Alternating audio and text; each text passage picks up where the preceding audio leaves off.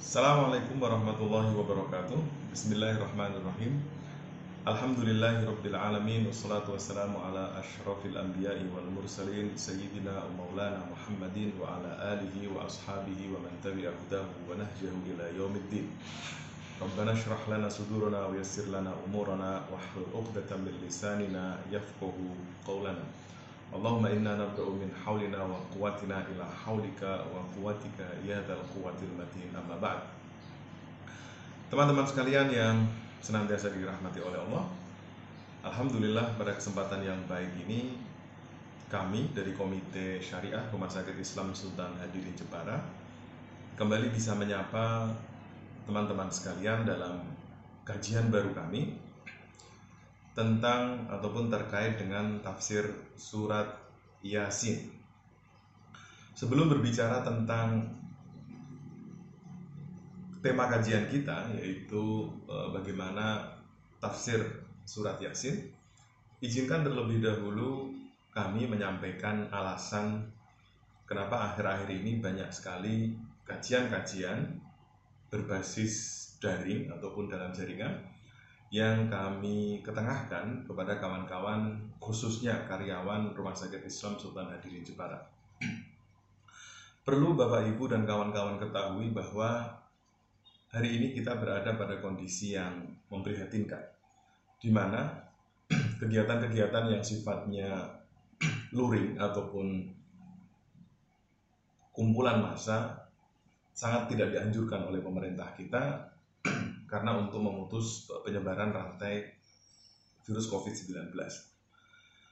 Sehubungan dengan hal tersebut, kami berinisiatif untuk mendatangi teman-teman sekalian melalui kajian-kajian di antaranya salah satunya adalah kajian tafsir Al-Quran.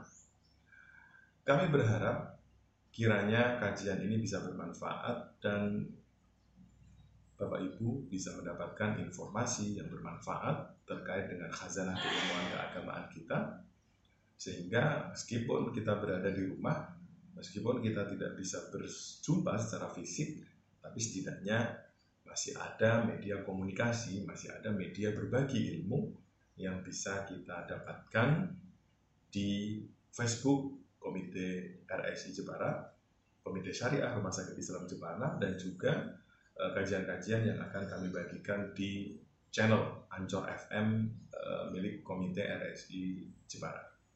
Nah, pada kesempatan kali ini kita akan berbicara tentang tafsir Al-Quran.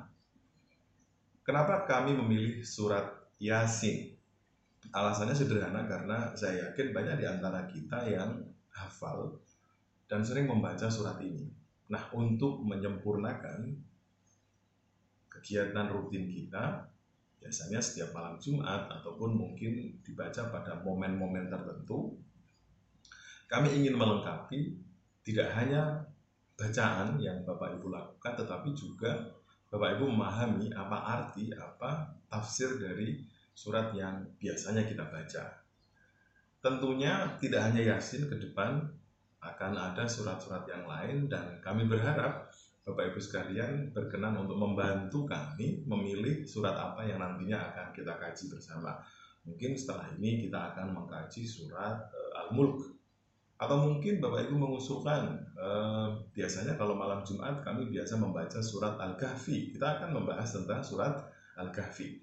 Prinsipnya adalah kajian-kajian yang akan kami adakan sifatnya adalah pembinaan karyawan, sifatnya adalah melengkapi kebutuhan Bapak dan Ibu sekalian.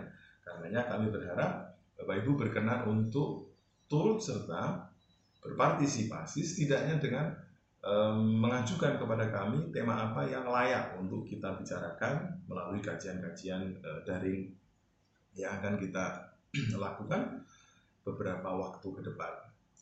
Baik, kita akan mulai dengan uh, surat Yasin. Surat Yasin seperti yang telah kita ketahui bersama, jumlahnya ada jumlah ayatnya ada 83 ayat. Jika Bapak Ibu bertanya kepada saya, buku rujukan apa yang digunakan dalam kajian ini? Saya merujuk tafsir Al-Munir. Kami merujuk tafsir Al-Munir uh, karangan Dr. Wahbah Zuhaili.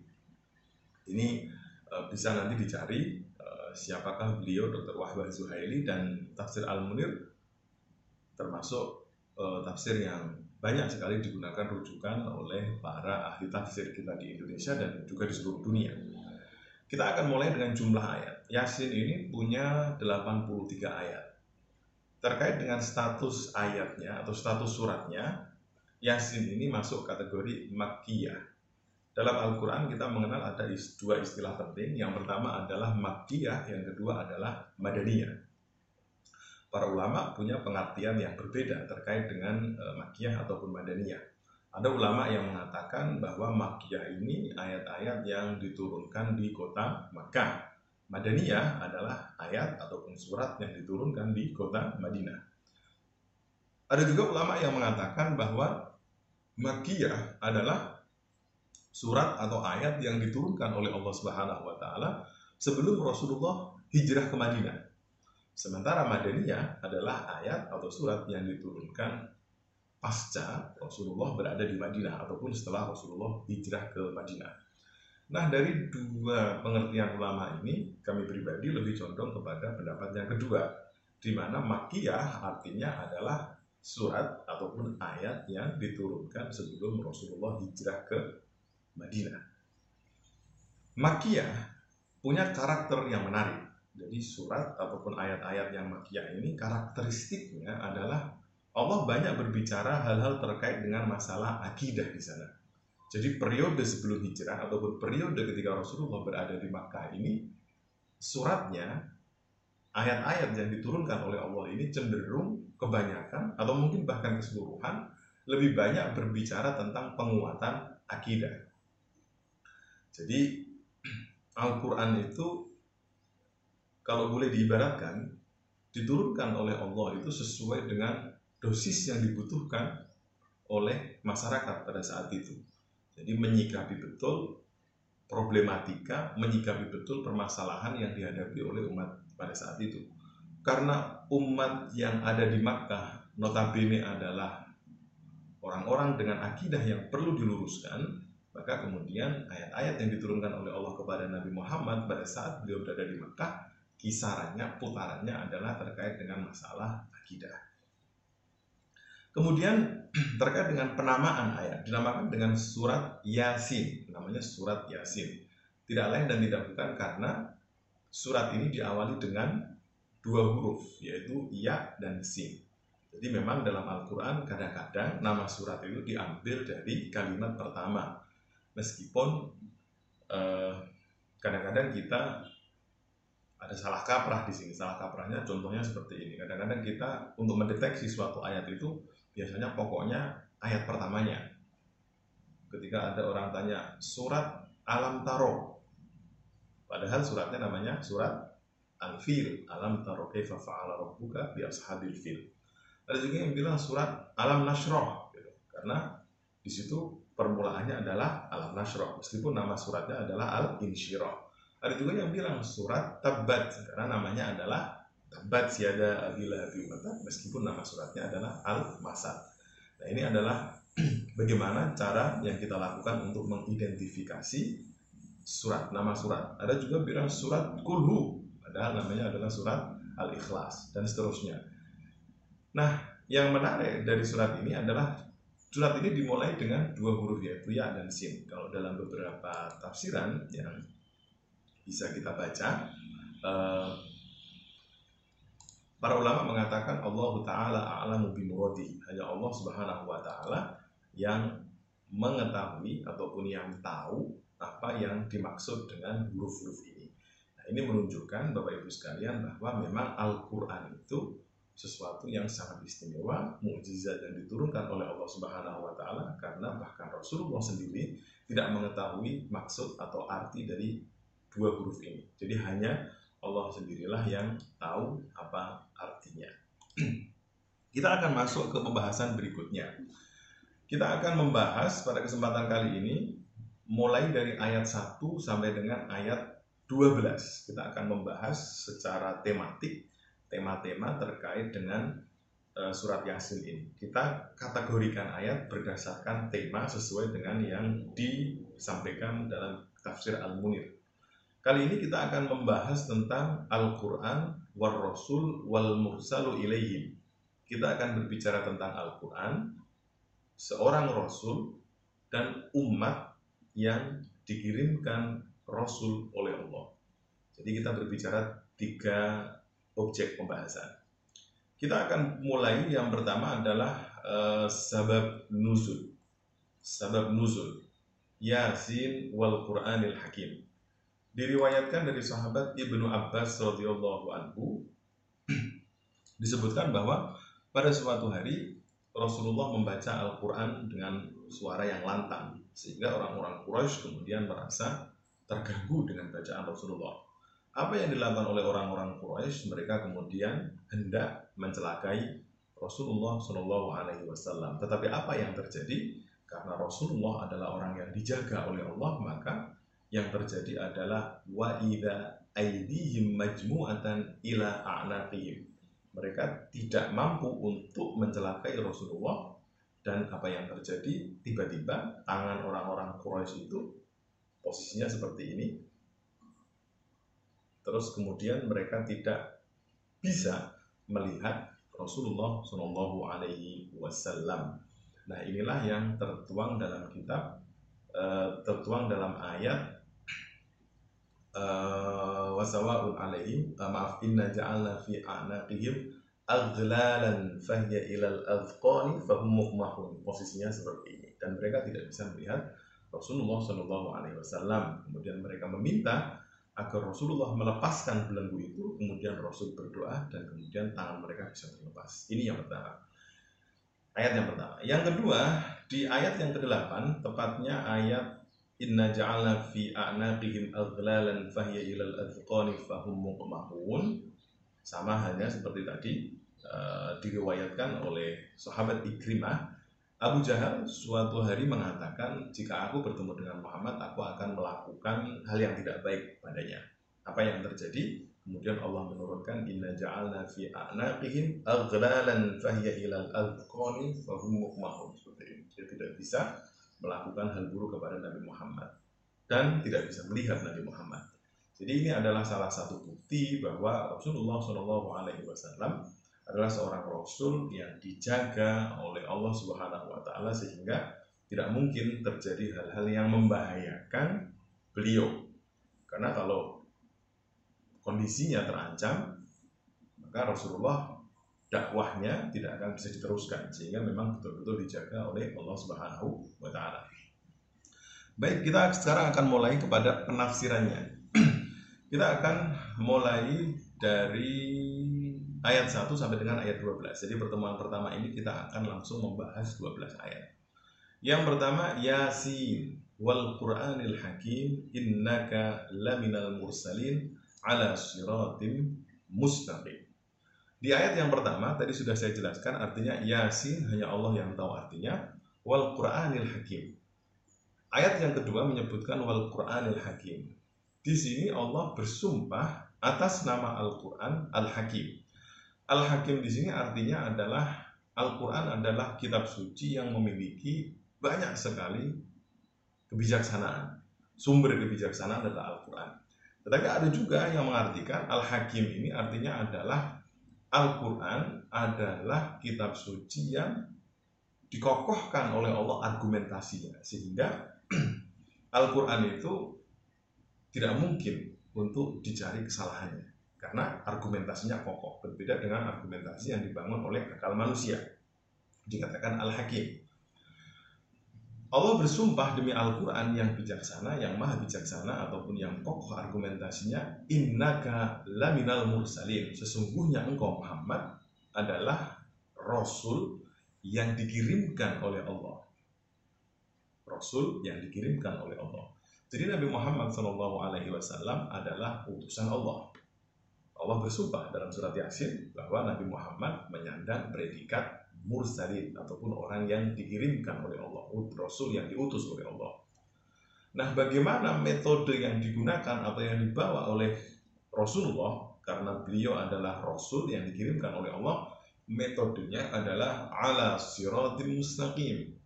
Rasulullah membawa metode membawa agama, membawa syariat yang lurus, mustaqim, itu artinya lurus. Lurus itu artinya tidak salah. Lurus itu artinya benar, tidak ada yang salah di dalamnya, tidak ada yang belok di sana, ajaran yang betul-betul lurus. Di yang berikutnya dikuatkan lagi dengan kalimat tanzilal azizir rahim.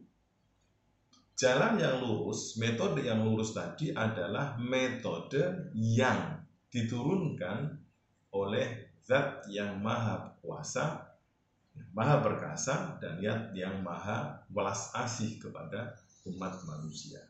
Jadi Rasulullah adalah seorang nabi, Rasulullah adalah seorang utusan yang dikirimkan dengan membawa metode yang lurus, tidak ada penyimpangan di sana, di mana metode itu diturunkan secara langsung dari Allah Sang Pencipta alam semesta dalam bentuk Al-Quran. Jadi kalau Bapak Ibu sekalian ingin mencari dalil bahwa Al-Quran adalah mukjizat Allah, cukup dengan 1, 2, 3, 4, 5 ayat ini sudah bisa menunjukkan bahwa Al-Quran adalah bukti ataupun Al-Quran adalah mukjizat yang abadi bagi umat manusia. Jadi metode yang dibawa oleh Rasulullah, ajaran yang dibawa oleh Rasulullah itu terkemas dengan rapi, terkemas dengan api di dalam Al-Quran yang diturunkan bersama dengan Rasulullah. Baik, lalu apa fungsi Al-Quran diturunkan kepada Rasulullah? Dijawab oleh ayat yang nomor 6. Litungzira qauman ma ungzira aba'uhum fahum ghafilun. Al-Quran itu diturunkan agar Nabi Muhammad Shallallahu Alaihi Wasallam menyampaikan berita yang isinya adalah ancaman, inzar, inzar itu adalah berita yang tidak menyenangkan, berita yang tidak mengenakan, ditujukan kepada siapa? Kauman, ditujukan kepada satu kelompok kaum. Kaum di sini artinya adalah orang-orang Arab yang pada saat itu orang-orang terdahulu, bapak-bapak mereka abai untuk menyampaikan ajakan keimanan kepada orang-orang Arab. Jadi kalau dalam bahasa tafsir atau dalam bahasa yang lebih familiar kita mengenal uh, yang disebut dengan ahlul fatroh. Fatroh itu adalah kondisi di mana umat manusia mengalami kekosongan nabi ataupun rasul. Jadi sejak Nabi Isa, sejak Nabi Isa sampai dengan Nabi Muhammad ini ada kekosongan. Nah, di kekosongan ini dikatakan dalam Al-Quran kauman ma'ungzira aba'uhum fahum ghafilun mereka bapak-bapak orang Arab itu mbah-mbahnya orang Arab itu mereka tidak menyampaikan ajaran yang benar mereka tidak menyampaikan syariat yang berisi tentang ajakan untuk menyembah Tuhan yang Esa karenanya Rasulullah dikirimkan oleh Allah untuk meneruskan ataupun untuk menjalankan tugas yang diabaikan oleh orang-orang sebelum Rasulullah. Nah yang berikutnya, yang berikutnya di ayat ketujuh, laqad haqqal qawlu ala aktsarihim fahum la yu'minun. Ayat ini menarik karena dalam ayat ini Allah menyatakan bahwa sudah menjadi ketetapan Allah kebanyakan orang-orang Makkah itu tidak akan mau beriman kepada Nabi Muhammad. Ini sudah menjadi ketetapan Allah. Jadi sudah menjadi catatan dalam Allahul Mahfud, dalam catatan amal perbuatan manusia, bahwa mereka tidak akan beriman kepada Al-Quran, mereka tidak akan beriman kepada Nabi Muhammad, dan mereka adalah orang-orang yang akan meninggal dalam keadaan kufur. Ayat ini dengan ayat sebelumnya seolah-olah terjadi perdebatan atau pertentangan ayat sebelumnya Al-Quran diturunkan untuk menjadi ataupun membawa berita syariat kepada orang-orang Makkah. Sementara di ayat yang setelahnya dikatakan bahwa mereka tidak akan beriman. Sejatinya tidak ada pertentangan, justru ayat yang kedua ini lakot haqqal qawlu ala aktsarihim la yu'minun menjadi semacam uh, motivasi kepada Nabi Muhammad untuk tidak berputus asa karena orang-orang Makkah ini mereka sudah dicatat oleh Allah, sudah dinas oleh Allah, mereka tidak akan beriman dengan Al-Quran dan ajaran yang engkau bawa Muhammad. Karenanya tidak perlu berputus asa. Allah menghendaki yang demikian. Di ayat yang setelahnya, ayat ke-8 disebutkan inna ja'alna fi a'naqihim aghlalan fahiya ilal fahum mukmahun. Nah, di sini tadi sudah uh, sudah kami jelaskan dalam asbabun nusul disebutkan ini salah satu uraian kenapa mereka tidak mau beriman karena kami yaitu Allah menjadikan aghlal. Aghlal itu artinya adalah belenggu di leher mereka sehingga mereka tidak mampu melakukan apa pun. Jadi meskipun diberikan argumentasi mengajak untuk keimanan, diajak dengan cara yang baik, disodori dengan Al-Quran, tetapi mereka tidak mampu untuk melakukan apa pun. Jadi kayak semacam mereka ini sudah tidak bisa lagi untuk melihat kebenaran, mereka sudah tidak mau untuk membaca argumentasi yang disodorkan. Jadi ya sudah, mereka tertutup pintu kebaikan di hadapan mereka. Jadi ini adalah uh, sebuah musibah yang sangat luar biasa sekali ketika Allah menghendaki kita tidak lagi mampu untuk melihat kebaikan. Karenanya salah satu nikmat yang perlu kita syukuri kepada Allah Subhanahu wa taala adalah diberikan nikmat keimanan, diberikan nikmat Islam. Karena dengan demikian Allah masih memberikan kesempatan kepada kita untuk melihat kebenaran, untuk mendengar kebenaran dan mengimani kebenaran tersebut. Ini sungguh nikmat yang sangat luar biasa. Di ayat ke-9 diteruskan waja'alna min baini aydihim sadda wa min khalfihim sadda fa'aghshaynahum fahum la yubsirun. Tidak cukup dengan dibelenggu tangannya, tetapi juga Allah memberikan sekat di hadapan mereka, di belakang mereka, sehingga mereka tidak mampu melihat. Fa'aghshaynahum fahum la yubsirun. Allah tutup mata mereka sehingga mereka tidak mampu lagi untuk melihat kebenaran yang disodorkan kepada mereka. Jadi ayat ini waja'alna min baini adalah bentuk penguatan terhadap ayat sebelumnya. Inna ja'alna fi anaqihim itu sudah menjelaskan betapa mereka sangat susah sekali untuk menerima hidayah, menerima kebenaran, ditambah lagi dengan ayat setelahnya waja'alna min baini aydihim. Ini semacam penguatan argumentasi bahwa mereka adalah orang-orang yang memang menyombongkan diri, merasa bahwa mereka adalah orang yang paling benar sehingga mereka tidak mampu untuk menelaah ayat-ayat Allah, tidak mampu lagi untuk mempelajari ayat-ayat Allah seolah-olah depan, belakang mereka sudah dikunci oleh Allah, ditutup oleh Allah sehingga mereka tidak mampu untuk melihat kebenaran. Jadi ini adalah semacam gambaran yang disampaikan oleh Allah kepada kita bahwa orang-orang yang mengagungkan kebodohan, orang-orang yang gemar terbelakang, mereka adalah orang-orang yang enggan untuk menelaah, orang-orang yang enggan untuk mempelajari kebenaran yang disodorkan kepada mereka. Otaknya sudah tertutup, dia tidak mau menerima lagi argumentasi orang lain, dia merasa bahwa dia adalah yang paling benar, sehingga apa yang terjadi? Dia tidak mendapatkan manfaat dan dia tetap berada dalam lubang kebodohannya. Sehingga sehingga ayat setelahnya dikatakan wasawaun alaihim a'adzartahum am lam tunzirhum la yu'minun.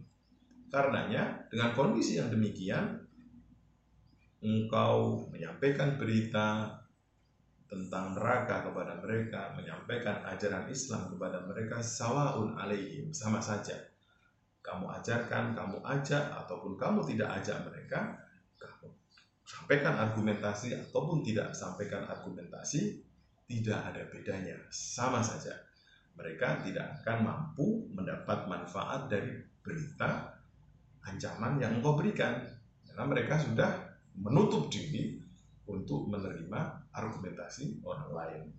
Jadi ini adalah sebuah pembelajaran yang sangat baik bagi kita semua Bapak Ibu sekalian. Kita perlu membiasakan diri kita untuk melihat sesuatu dari perspektif yang berbeda. Jadi kita tidak boleh hanya merasa bahwa saya yang paling benar, bahwa kebenaran yang mutlak adalah milik saya, tetapi kita juga harus dan berusaha untuk mendengarkan argumentasi orang lain, untuk membaca bagaimana orang lain menyampaikan ide dan pikirannya, sehingga dengan demikian kita akan menjadi orang yang terbuka dengan pendapat orang lain. Nah, ini sama kasusnya seperti orang-orang Arab, maka pada saat itu sawaun alaihim sama saja mau dikasih berita tentang neraka, mau dikasih tahu bahwa Al-Quran itu adalah ajaran yang betul, dikatakan bahwa Nabi Muhammad adalah Rasul yang dikirimkan oleh Allah, la yu'min. Mereka tidak akan beriman. Di ayat ke-11, di ayat ke-11 Allah menceritakan kalau tadi dari ayat ke 6 sampai dengan ayat 10 Allah bercerita tentang orang-orang yang tidak mendapatkan manfaat dari dakwah Rasulullah. Nah sekarang di ayat ke-11 Allah ganti menyampaikan kepada kita tentang orang-orang yang mendapat atau memperoleh manfaat dari dakwahnya Nabi Muhammad. Innama tunziru man ittaba'a dzikra wa khasyar rahman bil ghaibi fabashshirhu bimaghfiratin wa ajrin karim. Sesungguhnya Muhammad, engkau bisa ataupun engkau mampu menyampaikan hidayahku terhadap orang-orang yang ittaba'adz dzikra, mengikuti Al-Qur'an, beriman terhadap kebenaran Al-Qur'an. Wa khasyiyar rahman dan mereka ridho, mereka takut kepada Allah. Fabashshirhu bimaghfiratin wa ajrin karim. Maka terhadap orang-orang yang demikian sampaikan berita bahagia kepada mereka bahwa ada ampunan yang menanti dan Allah telah menyiapkan ajrun karim. Ajrun karim ini artinya adalah surga dan kenikmatan berada di surga yang abadi. Jadi jelas Bapak Ibu sekalian, kita melihat dua karakter yang berbeda di sini. Karakter pertama adalah orang-orang yang tidak mau beriman kepada Nabi Muhammad, tadi sudah saya jelaskan. Dan karakter yang kedua, orang-orang yang mendapatkan ampunan Allah dan mendapatkan surga Allah adalah man ittaba'a dzikra wa khasyar rahman. Orang yang mengikuti ajaran Al-Qur'an, percaya dengan kebenaran Al-Qur'an dan juga di saat yang sama dia takut kepada Allah selaku Ar-Rahman. yang terakhir, inna nahnu nuhyil mauta wa naktubu ma qaddamu wa atharahum. Yang berikutnya Allah menjelaskan kepada kita bahwa pahala itu pasti akan datang. Pahala itu, pahala yang dijanjikan oleh Allah, surga yang dijanjikan oleh Allah itu pasti akan terjadi. Dikatakan inna nahnu nuhyil mauta. Kami Allah mampu menghidupkan orang-orang yang telah mati. Jadi Allah ingin menunjukkan kepada kita bahwa dalam bahasa yang kasar seperti ini bahasa gampangnya nih cuman ngasih surga saja kepada kalian. Aku kata Allah bisa menghidupkan orang yang sudah mati. Aku bisa membangkitkan mereka dari kubur mereka. Dan naktubu ma qaddamu wa atharohum dan aku kata Allah adalah zat yang menulis secara detail apa yang telah mereka lakukan. Qaddamu itu adalah amalan-amalan yang telah lampau. Wa atharohum athar itu adalah amal yang sifatnya abadi. Jadi meskipun kita sudah mati tetapi amalan itu masih terus mengalir. Jadi Allah itu punya kemampuan yang sangat luar biasa. Tidak hanya mampu untuk menulis yang sudah lampau yang sudah kita lakukan tetapi juga Allah itu mampu untuk menuliskan pahala-pahala yang mengalir meskipun kita sudah mati. Itu namanya athar di ayat pamungkasnya Allah mengatakan wa ahsaynahu fi imamin mubin. Dan semuanya kullu syai' kullu syai' semuanya ahsaynahu dihitung dengan detail oleh Allah, dihitung dengan detail oleh Allah baik itu pekerjaan manusia apa pun yang ada di alam semesta fi imamin mubin dalam catatan al-lauhul mahfud dalam catatan amal seorang manusia dan apa pun makhluk Allah yang ada di alam semesta. Jadi Bapak Ibu sekalian, apa pun yang kita lakukan dan apa pun yang akan terjadi di masa yang akan datang, semuanya sudah dicatat oleh Allah dengan rapi dan dengan detail. Kulla syai'in ahsainahu. Semua dihitung oleh Allah. Karenanya jangan pernah merasa berkecil hati ketika melakukan kebaikan yang sederhana. Karena bisa jadi yang sederhana itu dicatat oleh Allah menjadi sesuatu yang luar biasa. Dan juga jangan pernah merasa biasa ketika melakukan dosa yang kecil karena bisa jadi dosa yang kecil itu adalah kelak akan membawa petaka bagi kita di akhirat nanti. Jadi ini adalah pembukaan dari kajian tafsir surat Yasin kita dari ayat 1 sampai dengan ayat 12. Semoga bisa bermanfaat bagi kita semua.